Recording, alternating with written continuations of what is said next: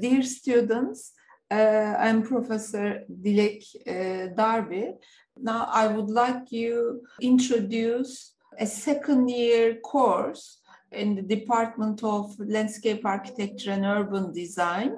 The name of this course is Public Places, Urban Spaces. The aim of this course is to provide a wide range of examples of urban spaces, public spaces from all over the world. These spaces have been created throughout history and also in our contemporary cities of uh, today. And in doing so, when we are analyzing these public spaces or urban spaces, uh, we are going to look at the major components of these places morphologically, perceptually, functionally, visually. So, in fact, we are going to study a, a sort of an introductory course to urban design. And in this course, uh, we are going to look at cities, urban environments in the starting from the second half of the 20th century. Uh, we are going to approach an urban area through the eyes of an urban designer. We are going to learn what are the basic parameters of a site analysis. We are also going to discuss a SWOT analysis in an urban area. A SWOT analysis means strengths, weaknesses, opportunities, and threats. SWOT is the shortened form of this. We are trying to understand an urban area through its strong points, weak points, opportunities, and threats.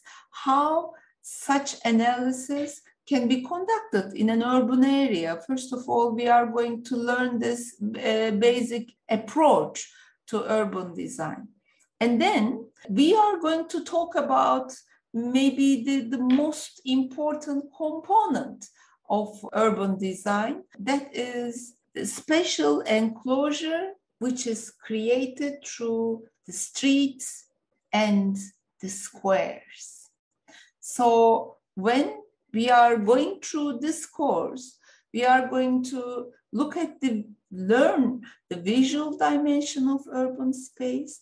We are going to look at the streetscape examples, what type of street uh, layout exists. We are going to talk about this pedestrian streets, motorways, and when talking about the streets and mobility, we are going to talk about sustainable mobility, pedestrianization, how parking and cycling, cycling friendly spaces can be created. This is what we are going to discuss. And students throughout this course, I will teach, but students also are going to make short presentations. They are going to choose their own presentation topics among a list. A student uh, can choose any topic uh, which he or she would like to learn in detail.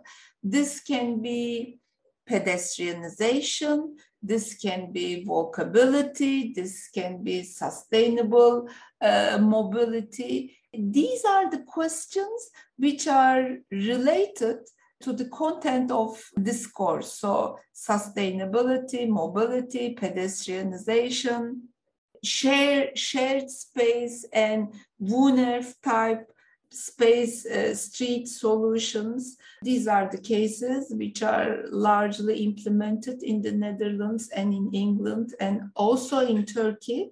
We have similar examples. And then we are going to talk about squares, how squares as urban areas, public spaces can be created. During the design of these space, what type of street furniture, public art objects can be used. This is a course uh, which uh, not only focuses on the text, but also looks at the cities, examples all over the world.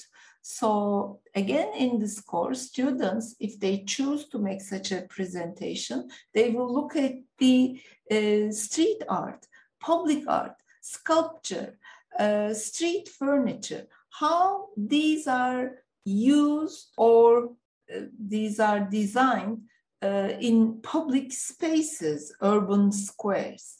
And then we are going to talk about placemaking principles. This course, throughout this course, everything which we discuss will be based on the major principles of sustainability because climate change and sustainable urban design principles are very important for a student uh, of landscape architecture, architecture. All designers should be aware of the importance of sustainable urban design principles.